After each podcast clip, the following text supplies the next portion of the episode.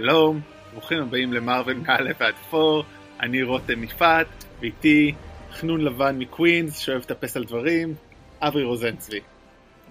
אני רק אוהב לטפס על העצבים. אה, זה גם, זה גם מה שפיטר פארקר עושה לפעמים. ממ. והפעם גם לא התבלבלתי בין קווינס לברונקס, אז זה שתי נקודות לי. אה, אני יכול להיות שליח, אני יכול להיות שליח של DHL.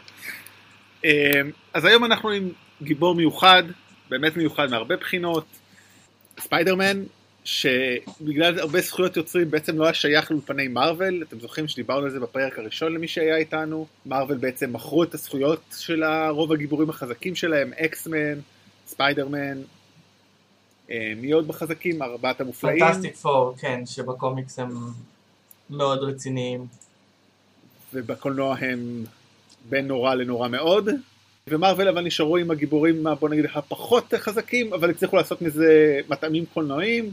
הזכויות על ספיידרמן עברו לאולפני סוני בעצם, אה, בעצם היו אצל אולפני סוני כל הזמן הזה, הם עשו כמה גרסאות, בשנות, תחילת השנות האלפיים עם סאם ריימי, אה, סאם ריימי ביים וטובי מקווייר שיחק, אחרי זה בשנת 2012 אני חושב עשו את אה, The Amazing Spider-Man, זוועת עולם. של אה, מי ביים אותו, אני אפילו לא זוכר, אה, ביים אותו מייק ווב, אה, הבמאי של 500 ימים של סאמר. ואנדרו גרפילד שיחק את ספיידרמן, ואחרי שני סרטים הבינו שדי. ולמרות אמה סטון זה היה זוועת עולם שאי אפשר היה לצפות. כן. אנשים שעושים סרטים עם אמה סטון דינם מוות. בעצם הוא עשה משהו מאז מייקל ווב? מרק ווב? לא חושב, נכון? לא משהו... בוא נבדוק מה גוגל אומר. כן, תסלחו שלא התכוננו, פשוט אנחנו לא חושבים על מרק ווב הרבה בחיינו, זה לא, לא קורה לנו. לא. אבל בכל מקרה סוני הבינו שזה לא עובד, והם ראו מצד שני שמרוויל וקווין פייגי יודעים מה הם עושים, אז אמרו בואו נשתף פעולה. אני חושב שזה מעיד יותר מהכל על uh, הכוח של מארוול וקווין פייגי. הוא עבר לטלוויזיה, סליחה. אה, כן. מרק ווב עבר לטלוויזיה. טלוויזיה זה הקולנוע החדש, נו באמת, אז כל הכבוד לו, הצלחה אדירה. אה, סליחה, הוא. עשה, הוא עשה סרט בשם The Only Living Boy in New York, שקיבל 33% ב Metacritic. טוב, שבוע הבא אנחנו לא נעשה פרק על Thor Ragnarok, אנחנו נעשה על דבו... לא, סתם אנחנו לא. The Web, The Mark Webiverse. זה פודקאסט מאוד קצר. אמ, בכל מקרה הסרט הזה וכל הסיפור הזה מעיד בעצם שעל הכוח של מארוול וכמה אנשים מבינים בעולם הקולנוע שהם יודעים מה הם עושים.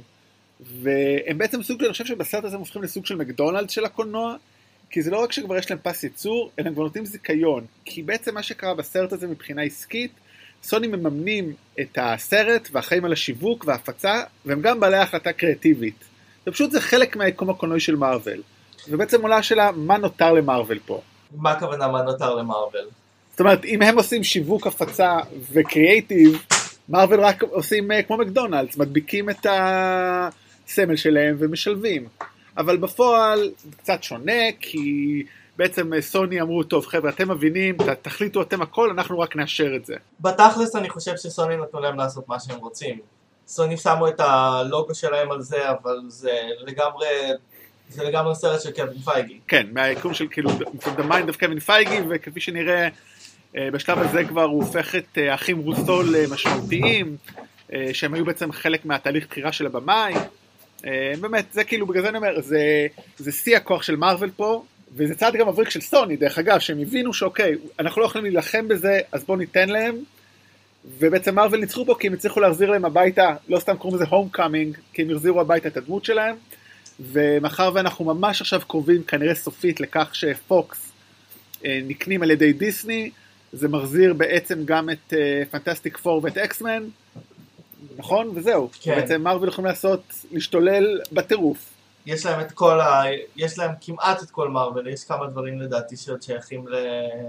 ספיחים ששייכים לאולפנים אחרים. אני תוהה כמה דיסני, הקנייה של פוקס היא בגלל הזכויות על הדברים האלה. אני חושב שהקנייה של פוקס היא בגלל שדיסני לא רוצים מתחרים, הם רוצים פשוט להפוך לקונגלמורט שאחראי בערך על כל עולם הבידור, יש להם את ה franchises הכי גדולים והם רוצים להוסיף עוד כמה אה, ששייכים לפוקס, ואז אה, אנחנו נהיה שייכים לדיסני, לא, לא ברור מה, מה נשאר שלא יהיה שייך לדיסני. השב"ב, השב- אה, הש- ש"ס Universe עכשיו שיוצא.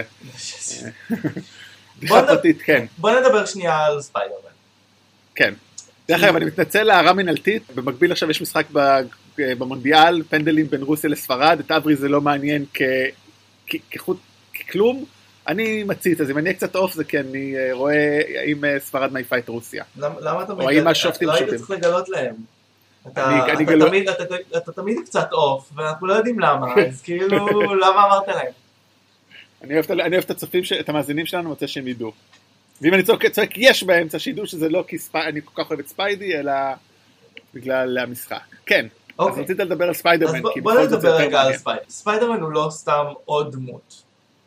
הוא גם כנראה הדמות הכי אה, מזוהה אה, של מארוול, אולי בעקבות סרטי האקסמן של האלפיים וולברין הפך להיות הדמות הכי מזוהה שלהם, אבל אני חושב שמבחינת מבחינת אייקון זה ספיידרמן, תמצא אותו על הכי הרבה אה, תיקי גב, צעצועים ו... וכדומה.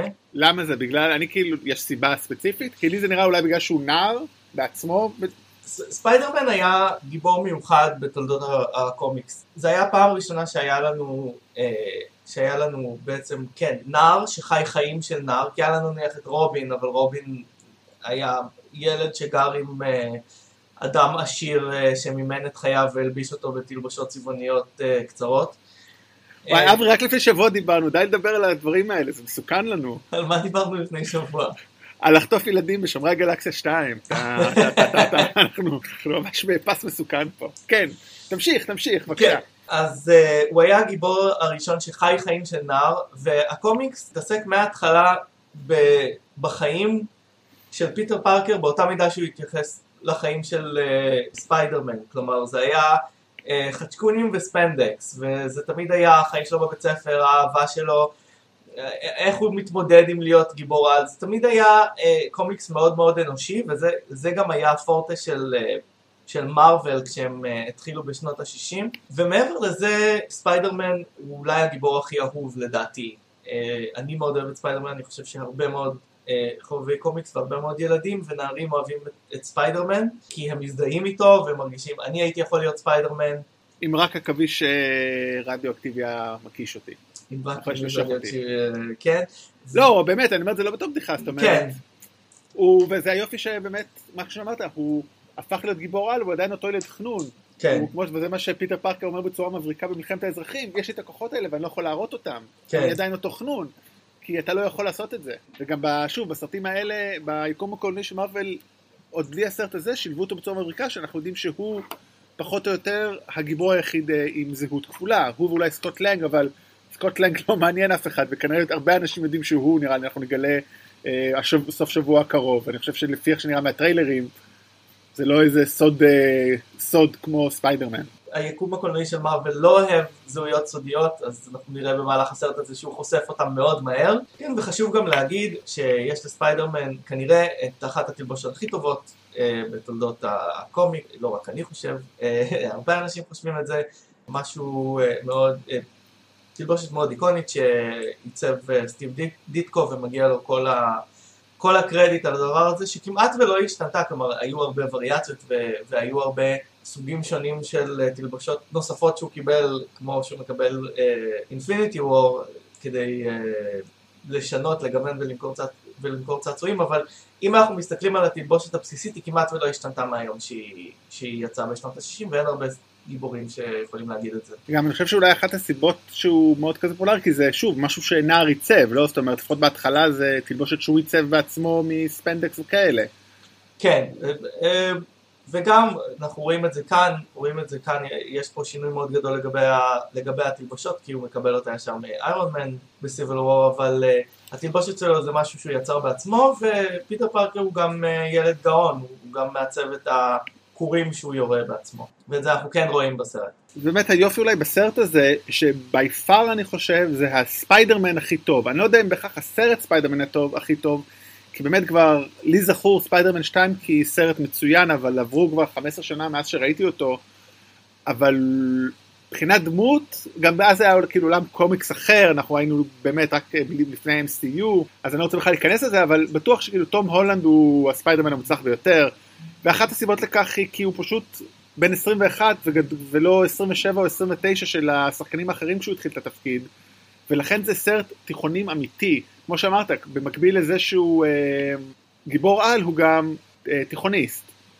והוא פה נער ביישן, וזה עובד פשוט מצוין, ובאמת, יש בעיות בסרט הזה, ואני חושב שהוא נופל מספיידרמן 2, אבל אין ספק שתום הולנד, ואני ראיתי לאחרונה שוב פעם שלישית כבר בקולנוע את, את מלחמת האינסוף, את הנוקמים מלחמת האינסוף, ופשוט המשחק שלו שם לאורך כל הסרט הוא מופתי. אז לגמרי הוא עושה את זה חלק גדול מזה. כן, הוא שחקן, הוא שחקן מצוין, והוא מביא את הבאמת, הגמלוניות הזאת. הוא לא, הוא לא סופר גיבור מושלם, הוא, הוא, הוא נער, הוא מתבלבל, הוא עושה טעויות, וזה מאוד מאוד מתאים ל, לפיטר פארקר ולספיידרמן. לפני הולנד אז היו כמה מועמדים כמובן לתפקיד, אה, דרך אגב, אה, תום הולנד הוא בריטי, אה, אבל המועמדים לתפקיד אחרים היו לוגן לורמן, שמוכר בעיקר כפרסי ג'קסון, שהיה בן 25 אם הוא היה נבחר, דילן אובריין, שמהרץ במבוך, שהיה מול בן 26, אבל ברגע שבעצם החליטו שפיטר יהיה בן 15, שזה הגיל של תיכוניסט, הם התחילו להסתכל על שחקנים צעירים יותר כמו טימותי שאלאמה, שהיום הוא כוכב עולה, בקרא לי בשמך, שזה גם נער שיורה דברים לבנים. כמה, נו, זה בדיחה ידועה על ספיידרמן. ואסה בטרפילד, ששיחק גם בריטי, שיחק בבנו של רמבו, והנער בפיג'מת הפסים. והאחים רוסו בעצם, כמו שאמרת, היו מעורבים פה בבחירה של השחקן, העדיפו את הולנד גם בגלל הגיל הצעיר וגם הם התרשמו מאוד מהיכולות הגופניות שלו, כי באמת הוא בא מרקע של היפ-הופ ואקרובטיקה, שיחק את בילי אליוט במחזות זה, על הבמה, ואני אגיד פה משהו שאמרתי גם בזמנו על הרימיק של קראטה קיד, להבדיל אלף הבדלות עם הבן של וויל סמית, זה עובד הרבה יותר טוב שהשחקנים בגיל הרלוונטי, זאת אומרת הסרט קראטה קיד הוא לא, הוא לא סרט טוב, החידוש אבל לפני עובדה שהבן של וויל סמית שם, ג'יילין? לא. ג'יידן. ג'יידן, ג'יילין זה שחקן NBA. ג'יידן סמית הוא בן 14 או משהו, שזה הגיל של קראטה קיד, לעומת רלף מאצ'ו שהיה בן 26. ה impact של ילדים הולכים מכות הרבה יותר קשה. וגם פה, זאת אומרת, זה משכנע הרבה יותר. אני בדרך כלל, יש לי שנאה עזה לזה שהופכים שחקנים אמיתיים שיראו כמו דמות היסטורית, אבל כל מה שקשור לנערים ושיהיו ילדים, נערים באמת, זה עובד, כי אתה חייב שזה יעבוד בעיניי. אני גם חושב שבאמת אנחנו עברנו, עברנו הרבה מאז, ש... מאז uh, הימים של בברלי הילס 9210, כשבני 30 שיחקו תיכוניסטים, והבדיחות הידועות על כך שתיכון, שתיכוניסט אמיתי נראה צעיר מדי כדי לגלם תיכוניסט בטלוויזיה. אני חושב שהדברים האלה בעיקר היו קשורים uh, לקושי לעבוד עם, uh, עם נערים, והעובדה שהם יכולים לעבוד פחות שעות וכאלה, אבל אבל חשוב לומר שהולנד הוא, הוא באמת בן 21, הוא לא, הוא לא באמת תיכוניסט, הוא נראה מאוד צעיר. תפקיד הבמאי בחרו את ג'ון ווטס, במאי בעיקר שמוכר, לא מוכר, זאת אומרת במאי עם היסטוריה של סרטי אינדי, בעיקר קופקאר. כן, כש, כשהכריזו, על ה, כשהכריזו על הסרט הזה, לפני שעוד היה לנו את הרעיון לשבת ולהקליט את המחשבות שלנו על מארוול, צפינו יחד בקופקאר, ואני לא זוכר, לא זוכר שנרשמה התלהבות מצידנו. לא, אבל מה שכן עכשיו עבד שם טוב, וכי אולי זה בדיעבד אפשר להגיד, הוא, כי הוא יודע שם להפעיל ילדים, זאת אומרת קופקאר סרט על שוטר מושחת, משחק אותו, אה, נו, קווין אה, בייקון, קווין בייקון, ושני ילדים מוצאים את הרכב, אני לא זוכר כבר מה יש שם, אבל יש שם בעיקר שני ילדים, ו...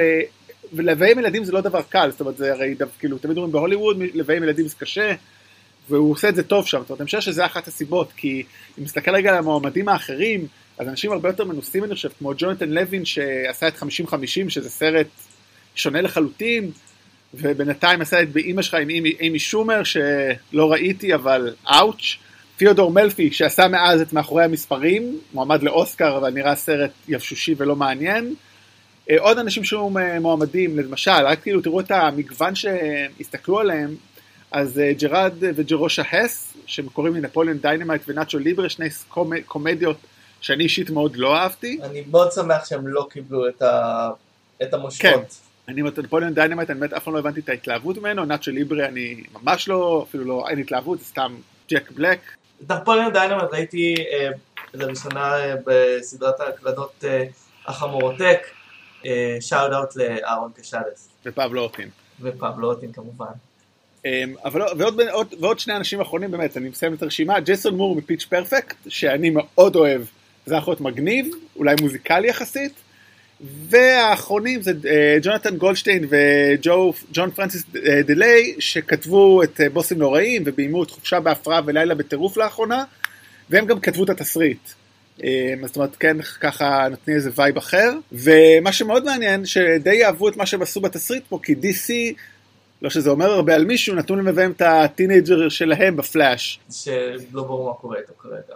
כן, כמו כל DC. שני מילים ככה, כמו שאמרתי, אז באמת אחד הדברים היפים בשלב הזה במארוול, זה השיתוף שווטס היה על הסט של מלחמת האזרחים, והיה בדיאלוג עם האחים רוסו בכל מה שקשור לדמות, ולפני דרך אגב שהוא עשה, קיבל את התפקיד, הוא חשב על ניק פיורי כמנטור של ספיידי ויצר כל מיני אה, איורים של זה, שזה היה לוקח את זה לסרט אחר לחלוטין, ואולי נגיד פה על הליהוק הגדול החשוב, זה באמת אה, מייקל קיטון, ואולי עוד, ומילה אחת על, על ה... אה, טוב, אז בוא נגיע uh, לסרט לאחר ההקדמות החשובות האלה. אנחנו חוזרים לקרב על ניו יורק מהסרט Avengers הראשון. עם השנים אנחנו מגלים אותו כנקודת מפתח uh, uh, ביקום הקולנועי של מארוול.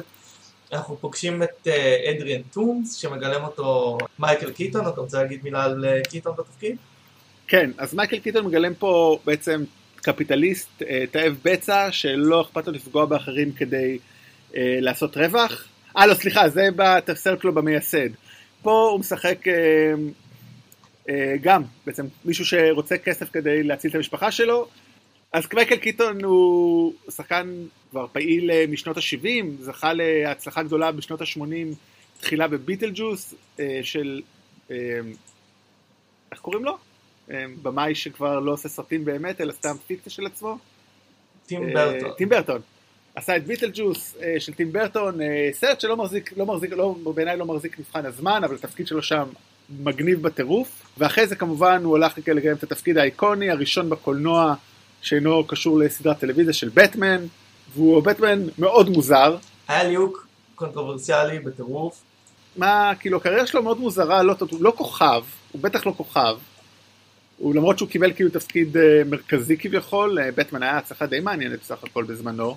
קשה לחשוב על הרבה סרטים מעניינים ומוצלחים שהוא עשה אז, מהשחק בג'קי בראון, אז באמת הקריירה שלו לאורך השנים ממש מוזרה, זאת אומרת, וזכה להכרה מחודשת או לתפקיד מעניין שהוא בעצם רוויזיה לבטמן בבירדמן ב-2014, אה, סרט זוכה האוסקר של אלחנדרו אינירטו, שם הוא מגלם בעצם גיבור, אה, שחקן שגילם גיבור על ובקונפליקט עם עצמו.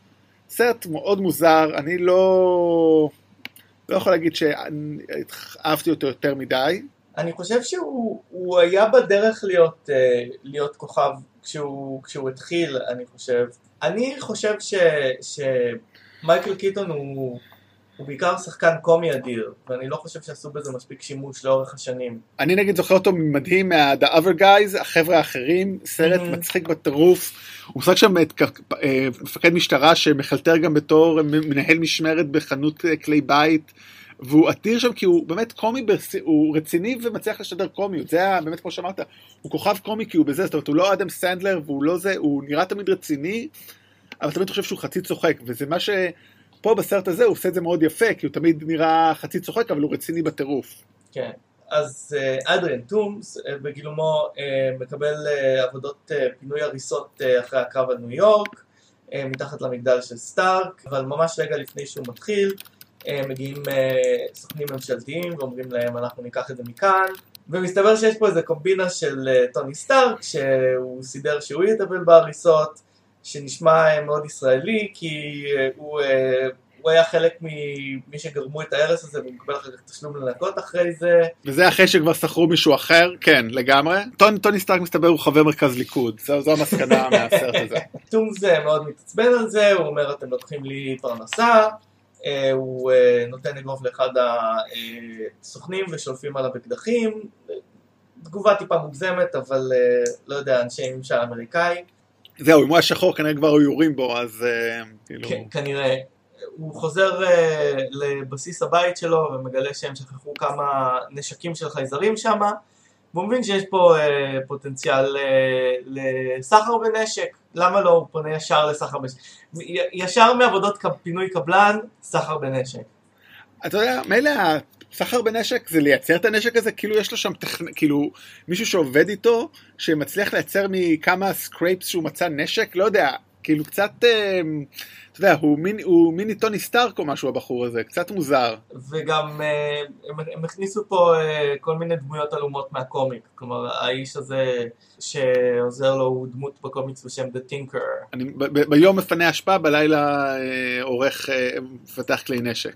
אבל באמת, אבל כאילו סצנה מאוד, בוא נגיד, מוזרה לפתוח איתה, לפתוח עם מישהו שהוא לא הגיבור, אבל אני חושב שהסיבה שלה היא לפתוח לנו, לייצר לנו אמפתיה עבורו, כי הוא בסך הכל בן אדם פשוט, שהמכונה דווקא, וכל מה שהוא רוצה זה לדאוג לאנשיו ולמשפחה שלו, אין לו פה שום אה, רצון לגדולה, הוא בסך הכל רוצה להצליח בחיים. נכון, זה קצת פיתח לו כבר, כמובן עם האוכל בא התיאבון וכדומה, אבל כאילו זה בא לייצר לנו את זה שהוא לא אשם, הוא לא מגלומן. כן, ואני גם חושב כי- שהם פתחו עם זה בגלל שלא היה מקום אחר לשים את זה אם הם לא היו פותחים עם זה. כלומר, זה קורה אה, מאוד בעבר, ואם היו מכניסים את זה אחר, במקום אחר זה היה עוצר את הזרימה של הסרט. ואנחנו עוברים בעצם שמונה שנים קדימה, ואנחנו רואים כבר שהם אה, מפעל משגשג, הוא כבר עם החליפה שלו של הוולצ'ר, מעופף ומביא חלקים. כן, זה מעניין כי במרוויל רמזו בעבר על אה, מה קורה לאנשים הקטנים בעולם של גיבורים, אבל זו פעם ראשונה שהם ממש מדגישים את זה ומתייחסים לזה בגוף של סרט.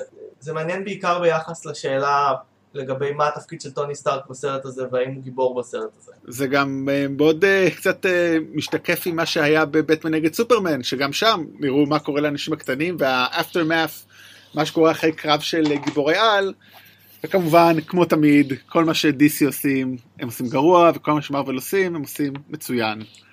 עוד דוגמה לכך. אבל משם אנחנו עוברים בעצם לגיבור פיטר, אה, וגם כאן יש לנו איזה אפיון של הדמות, המשך, שבעצם בא המשך של מה שהיה בסרט הקודם, אבל אם במקרה מישהו לא ראה אותו או לא קלט, אז עושים לנו פה איזשהו ויש מהיר עליו, שנבין מי הוא, נער נלהב, שלא ממש יודע מה עושים בקרב, והוא רק בא ליהנות, מצלם את זה, כי זה מה שנערים עושים בימינו, כי בסך הכל הוא בסדר, הוא נער ממוצע שרוצה לתעד הכל, אבל עם כוחות. יש פה משהו קצת מוזר, אבל שהפי שהוא אה, היה ראש האבטחה של טוני, נראה לי הוא חזר להיות הנהג, מאפשר את זה רק בתנאי שהוא לא יראה את זה לאף אחד. מצד שני גם קצת מוזר לי שהרי פיטר מסתיר את זה מכולם, אז מה אתה מצלם את זה? כאילו אתה סומך כל כך על security של פלאפונים? כאילו לא יודע, קצת אה, חסר אחריות, ומצד שני הוא נער, אז אולי זה עובד טוב. כן, אבל גם יש לנו פה את, ה, את, ה, אמ, את השאלה הראשונה לגבי אה, ההחלטות של טוני, כי באמת, האם פיטר במ- במצב שהוא הכניס אותו לקרב הזה היה מוכן להיכנס לקרב כזה? כלומר, אנחנו רואים נער נלהב שלא עבר שום הכשרה, הוא קיבל חליפה חדשה, וטוני פשוט שולח אותו להילחם בקפטן אמריקה, כלומר, אוקיי, אז זה כאילו אנחנו יודעים שזה היה אה, קרב עם ידיים קשורות מאחורי הגב, ושלא חשבו שמישהו פה ממש אה, ייפצע עד מה שקרה לרודי, אבל אה, בכל זאת, לא? כן, אבל אני חושב שזה גם אמרנו בסרט הקודם, טוב, וזה מתאים לטוני סטארק, במיוחד שהוא היה כל כך נואש בסרט ההוא, והוא חייב למצוא פתרון, להוכיח שהוא צודק, אז הוא הלך על כל דבר, גם זה כולל לקחת ילד בן 15 שבחיים לא יצא מגבולות אה, ניו יורק בטח. כן. אז טוני בעצם נפרד ממנו, נותן לו קצת עצות, אבל יש פה טוני סטארק מאוד מוזר, הוא נראה מאוד חיובי. עכשיו באמת לא ברור אם זה מיד אחרי הקרב כשהם חוזרים מגרמניה או קודם טוני בסיביר, anyway, בתור בן אדם שעבר אירוע די, די קשה, נלחם במישהו שהוא חבר שלו, הוא נראה די אה, סבבה, וגם באמת המשך של כל מה שקורה מהנוקמים והלאה זה ממש מוזר, זה לי הרגיש שהסרט הזה זה לא טוני סטארק אלא רוברט דאוני ג'וניור. Hmm. זה מרגיש כמו חזרה לטוני סטארק שלפני הנוקמים, לפני האירוע בניו יורק, הטראומה הגדולה. כן, אנחנו מקבלים פה אה, טוני סטארק throwback. לא ברור למה הם לא עשו אותו קצת יותר רציני, אולי בגלל שטוני קצת יותר רציני לא היה עושה את הדברים כמו שהוא עושה אותם בסרט הזה. אני לא חושב, כי הוא כן רציני שם בהרבה שלבים, זאת אומרת, הוא כן, he's schooling הם בצורה מאוד יפה, פשוט כל הצחוקים של, היי, אני מדבר איתך כשאני בהודו, זאת אומרת, חוץ מזה יש לו שם שיחות ותובנות מאוד טובות, הוא אומר לו, we have people, כשהוא אומר לו, we have people taking care of it, הוא לא, הוא לא צוחק איתו, נגיע יש לזה, אנשים, נגיע כן. לזה. אבל לגמרי זה, זה לא, זה לא טוני סטארק שיכול לבוא אחרי מלחמת האזרחים. כן. בטח, כאילו, אוקיי, אולי אחרי נוקמים שתיים, אולי אחרי נוקמים, לא יכול להיות שסרט שהוא שבוע אחרי, שבוע, גג שבוע הרי, הוא חוזר מגרמניה בתחילת הסרט, זה אותו בן אדם, זה פשוט off character לחלוטין. אה, רואים את, אה, את פיטר פארקר מגיע לבית ספר. אה, כי כאמור זה סרט על ילד בבית ספר יותר מהכל. נקודה מצחיקה אחת היא שיש שם, כמו שרמזת בתחילת הסרט, אני גר בקווינס עכשיו, הוא יורד שם בתחנה של הבית ספר, התחנה הזאת היא התחנה של הבית שלי ואין שם שום בית ספר. הם הכניסו שם בית ספר ברקע אה, בתחנה לא קשורה. אה, הלוואי והוא היה אה, קיים שם וספיידרמן היה ליד הבית שלי, אבל זה לא ככה. אתה יותר טוב מספיידרמן, בשכונה. אמ, אז באמת, עד כמה פיטר הוא ילד, הוא ונד, החבר שלו, יודעים איזה חולצה ליז, בחורה שהוא מאוהב בה לובשת. זאת אומרת, אה, זו חולצה חדשה, כן או לא, זה קטע teenagery creepy, טיפוסי, אבל, אבל עדיין בגבול הסביר, אני חושב. נראה שגם בתוך בית ספר של חנונים, הרי זה, זה ספר, בית ספר לילדים מיוחדים, הוא נראה גם סופר לא מגניב, הוא לובש ניו בלנס, שזה די לא מגניב בעליל, אולי חוץ מכשאני לובש אותם. כן, וזה אה, אחד השינויים המשמעותיים שהם עשו מהקומיקס, כי אה, באמת אה, פיטר תמיד היה ילד מחונן, אבל בקומיקס בדרך כלל הוא למד בתיכונים רגילים, היו לו לפעמים תוכניות מיוחדות, אבל הוא למד בתיכונים רגילים, והשינוי הכי גדול שהם עשו זה לפלאש תומפסון, הבריון שלו, שבקומיקס הוא אה, בחור לבן גבוה ושרירי שמתעלל בו, וכאן הוא עוד חנון ממוצא אה, דרום, דרום אסיאטי אה, כלשהו, אז, סליחה, מערב אסיאטי כלשהו. אמ, אז... אה, וגם, כן. הוא כאילו מציק לו, מציק, הוא מציק לו בצורה חנונית, כאילו. כן. לא איזשהו, לא פיזית וזה. לא, הוא לא השחקן פוטבול אה, שהוא, אה, שהוא בקומיקס, אז זה מעניין כי אני מרגיש שזה הופך את כל חוויית הבית ספר של פיטר פארקר להרבה יותר רכה ו... ו low key, אין פה איזה התעללות מבריונים, הוא בסך הכל חי לא רע. אה, לגמרי, זה נראה תיכון ממש סבבה. אבל באמת כאן, בתור ילד הוא לא יודע מה הוא רוצה, זה גם בא לידי ביטוי לא לא רק עם ההורמונים, אלא גם עם הכוח, אה, כוחות, הכוחות שיש לו והרצון שלו לעשות משהו, וכל הזמן הפי וטוני חוסמים אותו, זאת אומרת, הוא כל היום רק מסתכל מתי נגמר הבית ספר, שהוא יכול ללכת uh, לשכונה ולעזור. דבר חשוב שלא ציינו פה זה שבמלחמת uh, האזרחים uh, טוני uh, נתן לספיידרמן uh, uh, תלבושת שהוא עיצב בשבילו, כלומר אנחנו יודעים שהוא עקב אחריו כבר כמה זמן, ואחרי מלחמת האזרחים הוא משאיר לו את התלבושת הזאת, שזה עוד איזושהי החלטה חצי מפוקפקת, אבל לפחות הוא, הוא משאיר את הפי uh, להיות השמרטף שלו, רק שזה לא כל כך מעניין את הפי. הוא סוג בלהעביר את ה-Avengers Tower לצפון המדינה. כן. Um, אז באמת, אז הם שולחים אותו, כאילו, לא, הם לא, הם קודם הוא מתקשר להפי אם יש משימות, והפי אומר לו לא, אז הוא מסתובב בשכונה, ונראה שגם לא רק שהפי לא רוצה את המסיבות, גם בשכונה אין ממש מה, לא צריך אותו, הרוב מסתדרים בלעדיו, וגם כבר שיש פושעים, הוא לא ממש יודע איך להתמודד איתם, כי הוא כזה clumsy, כמו שראינו בסרט הקודם, הוא כאילו מדבר הרבה. וחשבתי על זה, האם סטיב רוג'רס לא היה גם, זאת אומרת, היה די בגיל שלו, בן כמה סטיב רוג'רס היה כשראינו אותו בהתחלה? אה, כן, הוא היה צריך להיות אה, בגיל גיוס, הוא כנראה היה בן 20 ומשהו, אה, אבל סטיב רוג'רס נולד זקן. כן, טוב. זה ככה בא. אז באמת, אז הוא מחפש מה לעשות, ובערב הוא נתקל בשודדים בתחפושת הנוקמים, ואהבתי, אני די צחקתי שם, יש שם פרסומת לאידנטיטי פפט, שזה קצת, כאילו, בכל זאת הוא שומר על הזה שלו. הוא רואה אותם שודדים אה, ATM, אה, כספומט, והוא חושב איך הוא יכול לעצור את זה, גורם בעצם הרס יותר גדול ממה ששוד בנק היה עושה. אה, והוא חוזר לדירה, מטפס על הקיר, ואז נט שם. שזה ממש מהפכני, כי אנחנו בערך 20 דקות לתוך הסרט וכבר מישהו יודע שהוא, אה, מישהו שהוא לא גיבור על אחר יודע על הכוחות שלו, זה unheard of ביחס לסרטים אחרים, לא? אה, כן, בהחלט, אה, זה גם נד הוא דמות שלא קיימת בקומיקס של ספיידרמן, הוא כנראה מאולטימט ספיידרמן שנדבר עליו בהמשך, אבל כן, כנראה ש... הם לא רצו ספיידרמן שיהיה בודד ולבד, הם רצו ישר ספיידרמן שיהיה לו אה, אה, דמות שהוא יוכל אה, להיות איתה, זה הרבה יותר משעשע ונחמד. כן, גם יותר קל לו להתמודד עם זה, זאת אומרת, כי מי שיש לו עוד לספר את זה, זה שני מבוגרים שלא ממש שמים עליו, טוב מאוד שבאמת עשו את החיבור הזה. ובאמת הם מסתובבים בתיכון ונד כל הזמן עם כל השאלות שכולנו רוצים לשאול ומאחר ואין אקספוזיציה זאת אומרת אנחנו לא יודעים את האוריג'ן אז הוא שואל אותו מה אתה מטיל ביצים אתה, אתה יכול להכות כי זה עוד זה גם אני כל כך אוהב את זה זאת אומרת אין יש לנו דמות אין לנו פה אוריג'ן סטורי פשוט straight to the point ואז נד uh, כל כך מתלהב ומציע את עצמו באחד הרגעים החמודים תור הבחור לכיסא זה כזה קטע של ילדים יאללה נעשה דברים יהיה בסדר. כן. אבל אני חושב שנד הוא דמות קצת מנותקת, או דמות של תיכ... ילד תיכוניסט שלא מבין כאילו מה קורה פה, זאת אומרת, לאיזה כוחות יש לפיטר ומה הוא יכול לעשות.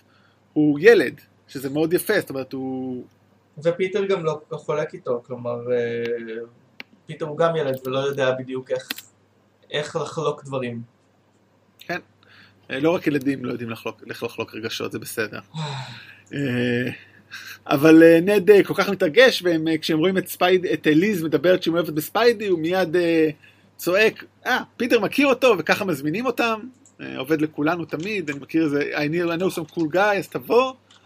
ועוד דבר שאהבתי פה, קצת באמת דומה למה שאמרת על פלאש, שליזי היא לא מתנשאת, זאת אומרת, אני לא יודע אם לא הבנתי אם מלכת הכיתה או לא, אבל היא מאוד כאילו חמודה ונחמדה אל פיטר כל הזמן.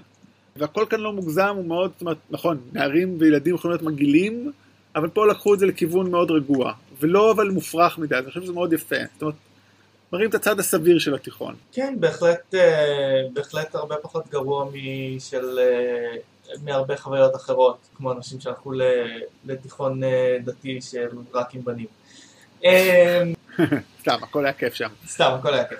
אה, אז- גם יש עוד משהו יפה על נד, שכאילו הוא אומר כמה הוא נאיבי, שהוא אומר לפיטר, אתה נוקם, כאילו אם יש למישהו סיכוי עם בחורה משנה גבוהה זה אתה.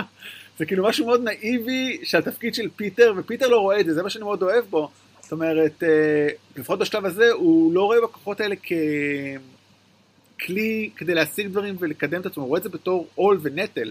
זאת אומרת, אני חושב שהוא רואה באמת איך הוא יכול להיות עם ליז בלי להציג שהוא ספיידרמן, הוא מאוהב בה, אבל הוא רוצה, הוא רוצה שהיא תאהב אותו ולא את ספיידי. אנחנו גם, אה, אחד הדברים המעניינים שכולם מכירים את, ה, את ה origin של אה, ספיידרמן, אבל אנחנו פה, אנחנו לא יודעים מה קרה, אבל אנחנו פה עם ספיידרמן פוסט המוות של אנקל בן. כלומר, לא ראינו את המוות של Uncle בן קורה, אנחנו לא יודעים מה, מה נמצא ברקע של הספיידרמן הזה, אבל הוא כנראה אחרי השלב שבו הוא למד ש- with great power comes great responsibility. מעניין, אני דווקא, טוב, אני נדבר על זה בהמשך, כי אני חשבתי על זה אחרת קצת. אה, או שפשוט זה האופי שלו, קצת כמו סטיב רוג'רס, או כמו, אה, אה, אנטמן, אתה יודע, הם נולדו טובים, מבינים טוב, למרות שהוא נער, באמת הרבה יותר קשה להשתלט על הדברים האלה כשאתה נער, הוא מבין את זה, זאת אומרת, אתה יודע, השיחה שלו עם טוני במלחמת האזרחים היא בן אדם מאוד בוגר, אומר, I have these powers and I see something bad and I want to do something with it. כן. ואז הם הולכים למסיבה, הוא בא כמעט להיכנס עם התחפושת של ספיידרמן, אבל הוא רואה אורות של נשקים, והוא רץ לשם, כי הוא אומר, רגע, קורה פה משהו, זה יותר חשוב מאשר להרשים בחורה. ואז יש קטע מאוד מצחיק שגם, אה, מאוד קומי, שמתגלה החולשה שלו, אם אין עצים או משהו להתעלות עליו, אין לו שום יתרון לספיידי בדרכים, אז פשוט צריך אה, לרוץ על אה, מגרש דשא. כן, יש פה, יש פה שני דברים. א', באמת, ספיידרמן הוא, הוא, הוא גיבור עירוני, הוא צריך, אה, הוא, הוא גיבור של מנהטן, הוא צריך בניינים. והדבר השני באמת זה שאחד הדברים הכי גדולים של ספיידרמן, זה לכל אורך הקריירה שלו, זה שהאישי והגיבורות תמיד נתקלים ראש בראש אחד בשני. הוא תמיד צריך להגיע למשהו שקשור לבחורה או לחברים, והחובה המוסרית אה, אה, גוברת על זה, והוא צריך ללכת לעשות משהו אחר. דרך אגב, אה, קווין זה היה קווין פייגי או מישהו במרוויל אמר שהם ניסו להימנע אבל מהבניינים של מנהטן כדי שוב לאפיין את זה קצת שונה מהסרטים האחרים ואכן הוא, הוא לא נמצא במרכז מהעיר בכלל לדעתי, לא, הוא רק בברום, כאילו בקווינס או בפרברים או... זאת אומרת, הוא קצת בסוף אבל הוא לא נתלה על בניינים וכל זה, נכון? אתה בתור לוקאלי. אה, נכון? אין, אין, אין פה, אין הרבה מנהטן, אה, אבל אה, אני מקווה שבסרטים הבאים נקבל את זה, כי זה בכל זאת האייקון של ספיידרמן, זה מתנדנד בבניינים במנהטן. תראה, ככל הידוע היום הסרט הבא כנראה בלונדון אז don't hold your breath on that. מתנדנד מהביג אה, בן. כן. דרך אגב, בכלל יש הרבה קומ- קו- קו- קומיות ויזואלית בסרט ולא סלפסטיק, אני מאוד אהבתי את זה. זאת אומרת, הרבה גאגים קטנים כאלה. אה, בכל מקרה, כל המסע הזה באמת מוביל אותו לעסקת נשק של אה, האנשים של טומס.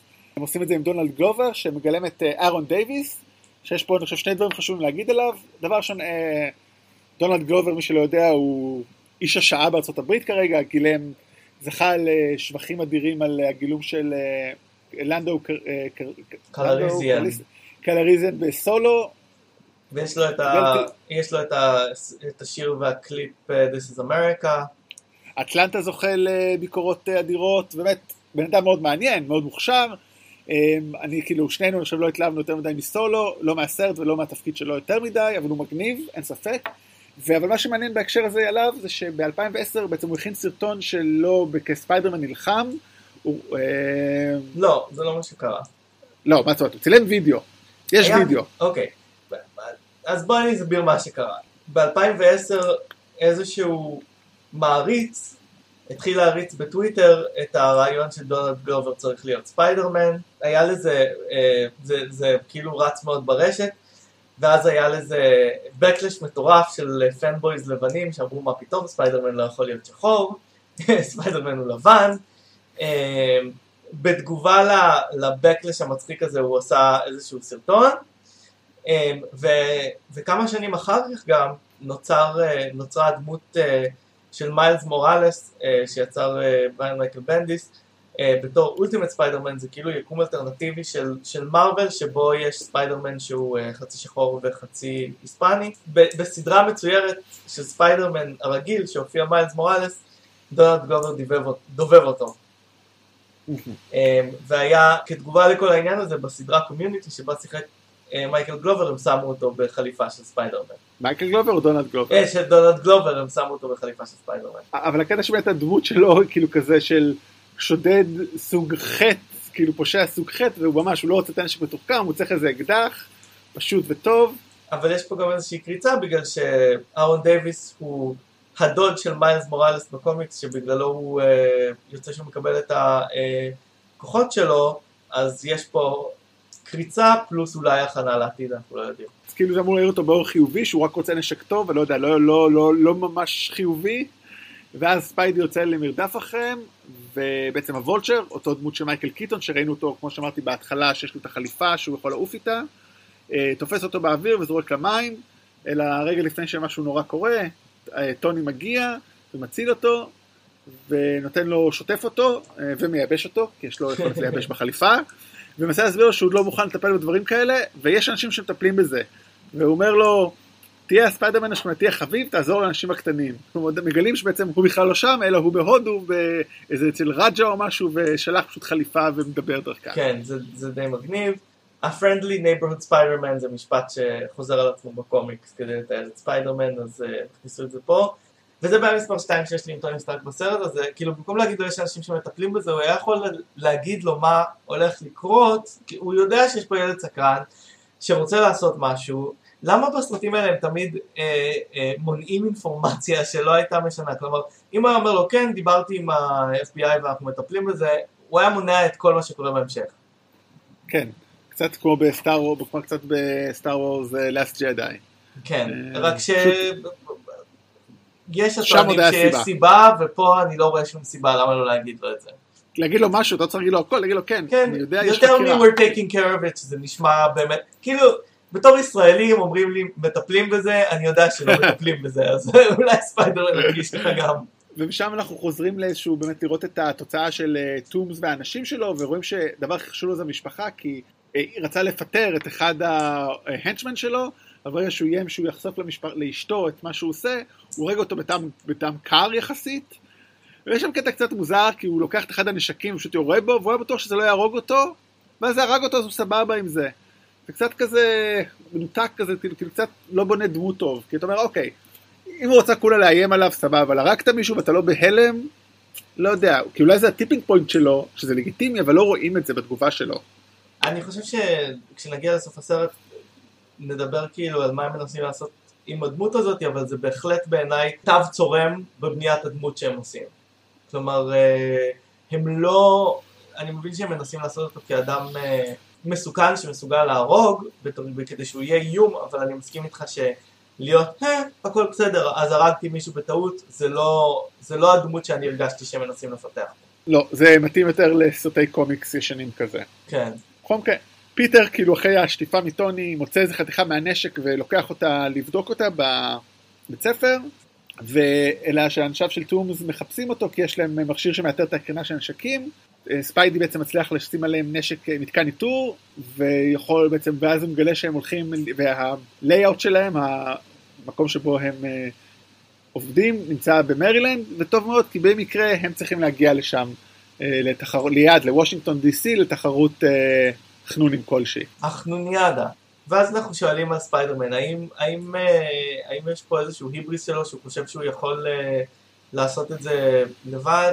הוא נער, הוא בן 15, אני חושב שזה היה צריך להיות תפקיד של טוני סטארק, לדעת יותר טוב, לא? כלומר, הוא, בגיל 15 אנחנו יודעים שהמוח עוד לא לגמרי מפותח, אנחנו לא לגמרי מבדילים בין טוב ורע, והוא... זה אפילו לא טוב ורע, זה נכון ולא נכון, זאת אומרת, ברור שזה טוב לעצור אותם, זה לא, אין פה שאלה מוסרית, זה לא פאנוס רוצה להשמיד חצי עולם כי הוא חושב שזה ישפר, ברור שצריך לעצור אותם. הוא לא יודע מה הוא לא- יכול לעשות. הוא גם לא, כן, וכאילו, אבל, כמו שבאמת אמרת, הוא הסתירו ממנו מידע, אז באמת, לאור הנתונים שיש לו, הוא עשה בחירה די נכונה, זאת אומרת, הוא הרגיש שזלזלו בו. שלא... אבל אה, באמת, אני לא חושב שבאמת לנער לא יכול להיות היבריס, זה קצת כאילו זה, ובאמת, כמו שאמרת, זה היה מאוד תפקיד של טוני סטארק, טוני סטארק קצת אינפנטיל, אין כן. ספק, כאילו, זה... היו צריכים לתת לו את קפטן אמריקה כמנטור ולא את טוני סטארק. כן, ברור. הוא באמת, הוא בסך הכל, אה, הוא באמת, אני לא חושב שהוא רוצה לעשות זאת, הוא רוצה, הוא רוצה רק לעשות טוב, והוא רוצה להרשים את טוני, זה ממש חשוב לו, הרי הוא אומר כל הזמן, I really want to Mr. Stark to like me, אין לו רווח מזה, הרי הוא באמת, הוא לא רוצה לה, להרשים אף אחד. וכשהוא מוריד את המכשיר איתור, הוא מתחיל, הנה, שוב, שוב מגלה כמה טוני מזלזל בו עם התוכנית מתחילים שקוראים לה גלגלי עזר. כן, אבל אני חייב להגיד שזו חליפה די מתוחכמת, ולא יודע, צריך, אני בן אדם שיודע ללמוד לבד טוב, הייתי שמח להדרכה על הדבר הזה. כן, אה, אבל אוקיי, אז פה עוד מילה על טוני, בגלל שבאמת יש פה שינוי מהקומיקס וטוני בנה את החליפה הזאת ולא אה, אה, פיטר בעצמו, אנחנו נראה אחר כך מה פיטר בעצמו היה מסוגל בשלב הזה לייצר. טוני כידוע לא מסתפק במועט, הוא הכניס המון המון דברים לחליפה הזאת, ואז אה, אה, פיטר מגלה משהו שהוא אחד השינויים הכי גדולים אה, ב- מהקומיקס, ש... בנוסף אה, טוני סטארק הכניס כמו אצלו, הוא הכניס אה, איזושהי אינטליגנציה מלאכותית לחליפה הזאת בשם קרן, והיא חלק, מה, חלק מהשדרוגים של, ה, של החליפה. זה, מה חשבת על הבחירה הזאת לעשות את, ה, את, ה, את ה-AI הזאת בחליפה? מוגזם, זה taking one to, צד אחד יותר מדי. כאילו, זה, הוא זה היה לא צריך- מיותר לסרט, לא? כן, הדבר היחידי שאהבתי בה, שהיא כן מייעצת לו על אה, איך אה, לפנות ל... להתחיל עם ליז. זה לגמרי אהבתי. זאת אומרת, יש לו, הוא נער, הוא הוא מאוהב במישהי, והיא אומרת לו, אוקיי, אתה פשוט תגיד לה מה אתה חושב. זה אדיר. זה באמת, זה כאילו מצחיק, זה אחלה שימוש ב-AI לטובת גיל הנעורים, אבל באמת, זה overkill כאילו לטוני, אבל מצד, לספיידרמן, מצד שני יש לזה דווקא צידוק עלילתי. כי אתה אומר באמת, אוקיי, קודם תתאמן על חלק מהדברים, בסוף תגיע למקסימום. תהיה אבנג'ר מושלם עם כלי נשק, אבל... כן, אבל ספיידרמן לא צריך את זה, הוא לא, הוא לא איירון מן, הוא נכון. פועל אחרת. לא, אה, אני מסכים, אני מקבל, אבל אני חושב באמת, עשו לפחות את השימוש שלה בתור אה, מייעצת לזוגיות, את זה מאוד אהבתי. דרך אגב, מי שמדובבת את אה, קרן זו ג'ניפר קונלי, שיש לה שני קשרים למרוויל, ליקום הקולנועי, אחד, היא נשואה לפול בטני, שהוא הקול של ג'רוויס ומגלם את ויז'ן, וגם היא גילמה את בטי רוס בגרסה של אנג לי להענק הירוק, שהיא לא חלק מהקאנון, אבל עדיין זה עולם קטן, זה די מצחיק, כאילו מאוד חמוד כל החיבור הזה. אז פיטר מצטרף למסע של הנבחרת לתחרות בוושינגטון, כדי שיוכל אה, להבריז משם ולהגיע למאורה של הנבלים במרילנד, ובלילה הוא בעצם יוצא בעקבותיהם ומפריע לחטיפה, אלא שה Vulture מגיע וקולע אותו במשאית, אז הוא מגיע למרכז אחסון אה, של ה Avengers או של סטארק, ויש לו קטע ממש מצחיק שהוא תקוע ואי אפשר לפתוח את הדלתות ונראה שעובר מלא זמן, וכאילו, ועושים לנו כאילו מונטאז' ואז מגלים שזה חצי שעה. אה, ובסוף באמת קרן עוזרת לו לצאת, ואז הוא מגלה ש... הוא מגלה שהנשק שנמצא אצל נד הוא בעצם רדיואקטיבי, ואנחנו מגיעים ל... זה יוצא את אחד מהרגעי השיא של הסרט, התאונה באנדרטת וושינגטון, וזה קורה בגלל שפיטר הביא נשק אה, רדיואקטיבי לקרב מדעי. כן. זה גם, אני חושב, אחת הפאשלות של הסרט, כי כאמור, הנערים תקועים שם, עולים במעלית אה, למעלה, הדבר הרדיואקטיבי הזה משתולל, גורם למעלית ליפול, ואז ספיידי צריך להציל אותם, ובאמת סצנת אקשן אדירה, ואז רואים, בח... עוברים לטומס, שרואה בחדשות את האירוע, והתגובה שלו, כאילו, היא, אוי, ספיידי מציל אותם, במקום להגיד fuck, הבת שלי שם, כאילו, סליחה, ספוילר להמשך הסרט, אבל הבת שלו היא ליז, אנחנו מגלים את זה בסוף, ולא רואים פה שום תגובה שלו על זה. ספוילר. וחתיכת, זה ספוילר כאילו כן, מי ש... מי שכאילו זה רואה, את- שומע את הפודקאסט בלי לראות את ספוילר, סליחה, אבל זה חתיכת פאק עריכתי כאילו כדי לייצר, ספוילר. אולי הוא לא יודע. שהבת שלו שם, הוא לא הורה מאוד מעורב אולי. בתור בן אדם שאומר שהמשפחה זה הכל, אם הוא לא יודע שהבת שלו נסעה ליום, ללילה במרילנד, הוא, אתה יודע, אני אומרת כאילו, אם יש דבר אחד שאמין בו, שהמשפחה שלו זה הדבר הכי חשוב לו. ואני לא מקבל את זה. כאילו, לא לדעת שהבת שלך בת ה-15-16 נסעה ללילה לפחות אחד לתחרות, אה, לא עובר לי, צר לי. אה, וגם, כאילו, אני חייב להגיד, בתור כיתת גאונים, הם די מפספים את ה-obvious, כאילו, ספיידרמן, שנמצא בקווינס תמיד, שפיטר פארקר מכיר, בדיוק נמצא בוושינגטון להציל אותם, ואף אחד לא רואה את פיטר כשזה קורה. ג'יזוס, זה כמו כאילו אף אחד לא מזהה את, קארט, את, את, את, את קלארק קנט עם משקפיים כסופרמן, זה גם, יש פה קצת יותר מדי החלקות. כנראה אם יש דבר אחד שמארוול לא טובים בו זה זהויות סודיות. כן, וכן. אז פיטר אה, עדיין לא מוותר למרות שהוא כמעט אה, גרם לטרגדיה. שלא, לא, שלא לדבר על זה שפגע באנדרטה היסטורית. הוא נעזר בקרן כדי למצוא אה, את אהרון דייוויס שהוא עצר קודם uh, בעסקת נשק, הוא מגיע לחקור אותו והוא uh, נותן לו טיפ על, uh, על uh, עסקה גדולה. זה קצת מוזר, מה, כאילו הוא נראה כזה לואו לייף באמת, כמו שאמרתי, פושע סוג חטא מאיפה הוא יודע לשכה, מאיפה הוא יודע על העסקה הזאת? כי זה מישהו משוגע שעבד איתו עשה, כאילו, לא יודע, למה שהוא ידע את זה? זה קצת מוזר לי. אני לא יודע איך עובדים חיי הפשע, אני מודה. זהו, אולי יש, אה, אולי אנחנו לא מבינים בזה. כנראה, בסדר, בוא נגיד לאור שתי הפשלות הקודמות שציינתי זה אני עוד מקבל. בא לעצור אותם כשהם אה, באים לעשות עסקת נשק אה, על, על מעבורת על הנהר בניו יורק, ואז אנחנו מגלים שטוני אה, באמת אה, אמר אמת, ושיש אנשים שדואגים לדברים האלה, אמרתי כבר מה אני חושב על זה. אז אני חייב להגיד שאני חושב שזה כן מתאים לאופי של טוני, כאילו שהוא תמיד עושה צחוקים אבל הוא עושה את העבודה. הבעיה שכשאתה עושה את זה עם ילד בן 15, אתה צריך להתנהג אחרת. אתה לא יכול, אתה לא יכול לתת, לתת לו את היחס שאתה נותן כאילו את הבדיחות שאתה עושה לקפטן ולפור אחרי שיצרת פעמיים אה, רובוט שאמור, שרצית שיגן על העולם ואולי ישמיד אותו. זאת אומרת, זה לא עובד, אתה צריך לדבר אחרת אל ילד בן 15, זה לא האנשים האלה. הם uh, מפספסים את הוולצ'ר שבורח, אז uh, זה שהם מפספסים פה את, uh, את טומס שבורח וכל הנזק שנעשה למעבורת זה, זה באשמת uh, ספיידי ובסופו של דבר טוני uh, בא ומציל את היום ואנחנו רואים כמה טוני חזק באמת שהוא מסוגל אה, להציל אה, מעבורת מתביעה. ואז הוא אומר לפיטר משפט, הוא אומר לו רציתי שתהיה טוב יותר ממני. אוקיי אבל אתה המנטור שלו, אני לא יודע יש לי בעיה עם טוני בסרט הזה. לא, תשמע, כן, שמתי לב לזה. אבל לא, עכשיו זה משפט טוב, פשוט הבעיה של טוני, אתה יודע, טוני, his mind is in a good place, זאת אומרת, הלב שלו, סליחה, his heart is in a good place always, הוא פשוט גרוע בלהציג את זה, זה לא רק פה. זאת אומרת, זה הדבר הטרגי בדמות הזאת, אתה יודע, לאורך כל הסרטים, אולי חוץ מבסרט הבא. אני חושב שהסיום של טוני יהיה שסוף סוף מה שהוא רוצה לעשות ומה שהוא עושה יתלכד. כאילו באמת, אם אני צריך להמר מה יקרה ב Avengers הבא, זה זה. אבל המאפיין של טוני סטארק זה זה, כי זה משפט מבריק, אני חושב שזה משפט, באמת, הוא בא להחליף את המשפט המאוס עם כוחות גדולים באה אחריות גדולה, אבל אולי בכלל דווקא את המשפט השני, אם אתה כלום בלי החליפה אתה לא ראוי לה. אז זאת אומרת, אני חושב באמת, טוני הוא מנטור, שהוא הוא יכול לכתוב ספר על איך mentoring, מה צריך להיות גיבור, אבל לא שהוא יעביר אותו. זאת אומרת, וזה, אני חושב, זה צריך להיות המסקנה. אנחנו נראה, נראה באמת בסרט הבא אם הוא למד, אם הוא למד מספיק ממה שהוא עבר. אני, אני רוצה להמר שכן, זאת אומרת, כי כותב, הוא כתוב ככה בכוונה, אז איזה עוד, אתה יודע, ונראה לי כמה שמשלמים לו הרבה, נראה לי כבר נמאס לו, אז אתה, אתה תסיימו אותו בטון חיובי. בטון חיובי. בסרט, כן. באמת, אז אחרי כל הכישלון הזה והעונש שהוא קיבל מטוני, הוא מפסיק להיות ספיידרמן, ואז הוא באיזשהו שלב, כאילו בתיכון, הוא גם בעונש כי הוא uh, ברח מה... הוא בריתוק, זאת אומרת, הוא בריתוק בגלל שהוא uh, נעלם בזמן מה שהיה בוושינגטון. ואז בעצם הוא מתוודה לליב שהוא מחבב אותה, וגם, מה הסיבה לזה? כאילו, בגלל שאין לו משהו אחר? כאילו, לא יודע, קצת מוזר שפתאום הוא מחליט לעשות את זה, אולי כי, אוקיי, זהו, אני אהיה נער רגיל, אז סבבה. לא? מה אתה חושב? אני חושב שהיא גם במהלך, ה, במהלך הסצנות האלה היא נתנה לו איזושהי אינדיקציה שהיא גם מחבבת אותו, לא? כלומר... כן, uh... שזה דרך זה הדבר הכי לא הגיוני בסרט הזה. עזוב uh, ספיידרמן, כוחות על, כל זה. נערה כאילו בשנה מעליך בתיכון, היא זאת שמראה לך אהבה, לא יודע. unheard of. הוא חמוד. הוא מאוד חמוד.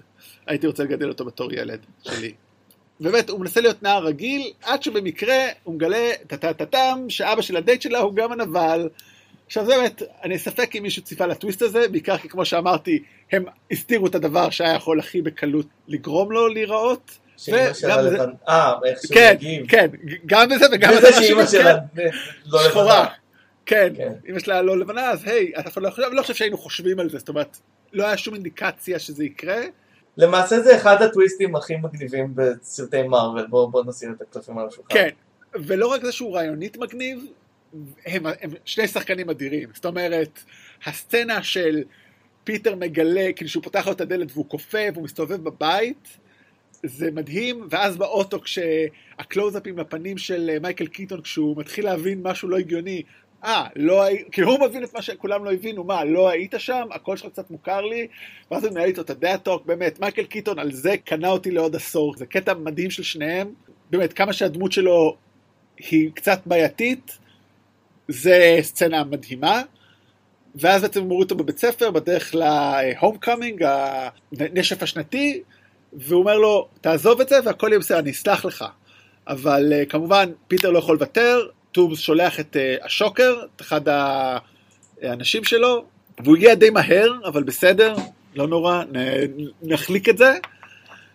ובעצם טומס נוסע למשימה הגדולה, שאנחנו מגלים אחר כך שזה לשדוד את המטוס שמעביר את החלקים ממגדל של טוני סטארק, מגדל Avengers למתקן החדש בניו יורק. ספיידרמן נלחם בשוקר ומנצח אותו, ואז הוא גונב את הרכב של פלאש, אה, שזה קטע מגניב כזה של סרט נעורים. בכלל, אני אוהב איך שהסרט הזה מצליח לשחק יפה על הסרט super heroes וסרט נעורים תיכונים, ואנחנו רואים כמה פיטר חכם כי הוא מבין באמת מה השוד הזה הולך להיות, למרות שהפי מתעלם ממנו. ובאמת הוא גם נעזר פה בנט שסוף סוף הופך להיות האיש של הכיסא שמסביר לו כי מאחר ופיטר לא יודע לנהוג כי הוא בן 15 עוד אין לו אפילו שיעורי נהיגה אז נד אה, פותח אה, מדריך נהיגה ומסתובב בין שני אה, מחשבים על כיסא ו-the man on the chair קטע ממש חמוד שגם באמת עוזר לו זאת אומרת זה לא סתם זה אלא זה חשוב וקריטי.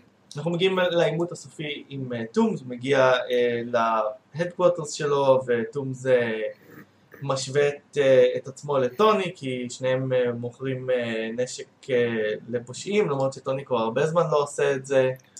וגם, כן, תמיד כאילו הצורך של נבלים להצדיק את עצמם תמיד הוא בעייתי. אבל זה נכון, זה אמיתי, זאת אומרת, אנשים לא רואים את עצמם בתור רעים, אף אחד לא אומר, הא I'm evil. אז זה בסדר, כאילו, זאת אומרת, זה הגיוני. כן, והוא גם, והוא גם משחק פה על, על עניין מעמדי, הוא אומר, we're the little guys, שכאילו, אוקיי, אבל אתם מנסים לעשות דברים הפוכים, אז סבבה. ואני תוהה באמת, האם הוא מאמין בזה או סתם רוצה כסף, זה לא, לא ברור לי כאילו. אמ, אבל זאת אומרת, באמת, אני... כמה הוא אותנטי, זה לא, לא, לא ברור. אני לא יודע אם הוא מגובש ב... ברעיונות שלו. כן. אה, או, שגם, או שגם באמת, זאת אומרת, אולי הוא התחיל בתור, באמת ראינו את זה, זה היופי, הוא התחיל בתור אה, תסכול וזעם מוצדק, ואין לעשות, ככל שאתה הולך בנתיב הלא מוסרי הזה, אתה רק אה, קל יותר להיות לא מוסרי. ואתה עדיין רוצה לשכנע את עצמך שאתה בסדר, אבל אתה בסופו של דבר לא. הוא, הוא באמת רוצה to provide for his family, אבל uh, הוא עושה את זה בחרא של דרכים. כן. טומס מפיל על אה, ספיידרמן את המבנה.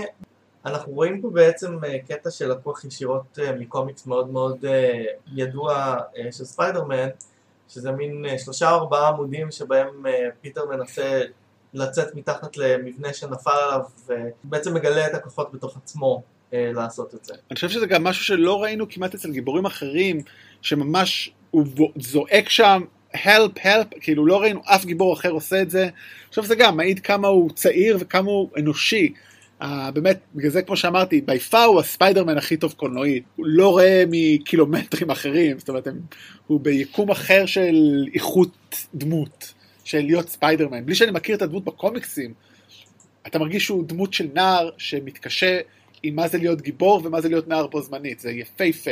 כן. הולך להילחם בוולצ'ר ומנצח אותו בעיקר הודות לחולשת אופי של הוולצ'ר, הוא לא מוכן לחזור הביתה בידיים ריקות. הוא מוכן לסכן הכל רק כדי לצאת עם איזה ארגז אחד, הוא אומר ארגז אחד אנחנו מסודרים לחיים כי כנראה זה המיטב והמיטב של, אה, כי זה לא הריסות זה כבר דברים אותנטיים של אה, ה Avengers. זה כבר נשק, זה כבר נשק אה, מוכן... אה... מוכן לפעולה, כן. זאת אומרת, אה, קל יותר, זאת אפשר לשכפל אותו או משהו, זאת אומרת, יש לך משהו מושלם, ובסוף, זאת אומרת, זונח את פיטר כדי לקחת שלול, את השלל, ובסוף הוא יתפוצץ. אבל הקרב הסופי, לא יודע, אותי קצת אכזב, כי קצת לא ברור לי מה קורה, זאת אומרת, ויזואלית, לא, לא, לא בכלל אקשן בסרט הזה קצת מאכזב, לא? אמ, כן, זה לא הסרט עם האקשן הכי מוצלח, אבל הוא מכפר על זה בדמויות ובדברים אחרים. ובקומדיה, אבל אה, כן, הסצנה, הסצנה ב Washington Monument היא טובה. כן, אה, וגם הרבה הומור, ואז זהו, אז תופסים אותו בעצם, הוא הולך לכלא, למשפט, ואז אה, פיטר מגיע לבית ספר ורואה את ליז, והיא כאילו אומרת לו, מה אתה רוצה ממני? ואני חייב להגיד שבצפייה הראשונה, חשבתי שהיא יודעת שהוא סופ, ספיידרמן, וכועסת עליו בגלל זה, אבל אז רק עכשיו הבנתי שבעצם היא פשוט כועסת עליו כי הוא נעלם כל פעם והוא לא רציני. זה מאוד חמוד, זאת אומרת, שוב, זה כל הקטע שאתה בתור נער בתיכון היית צריך להיות איתה, כי אתה... יש ביניכם משהו ואתה נעלמת לה כל פעם, היא לא סומכת עליך. וגם הוא, הוא, הוא, הוא נעלם לה והיא הייתה צריכה אותו, כלומר הוא לא, אולי אם הוא לא היה הולך הוא היה שם בשבילה כשהיו, אה, כשהיו לוקחים את אבא שלה. כן, אני אומר, זה כאילו, זה, זה היופי, אני הייתי בטוח שהיא כועסת עליו כי היא יודעת שהוא ספיידרמן, ולא, פשוט Mm. כועסת עליו כי הוא לא שם, הוא, הוא, הוא חוטא לתפקיד שלו בתור נער, אבל זה כנראה הדילמה שתהיה לו כל החיים.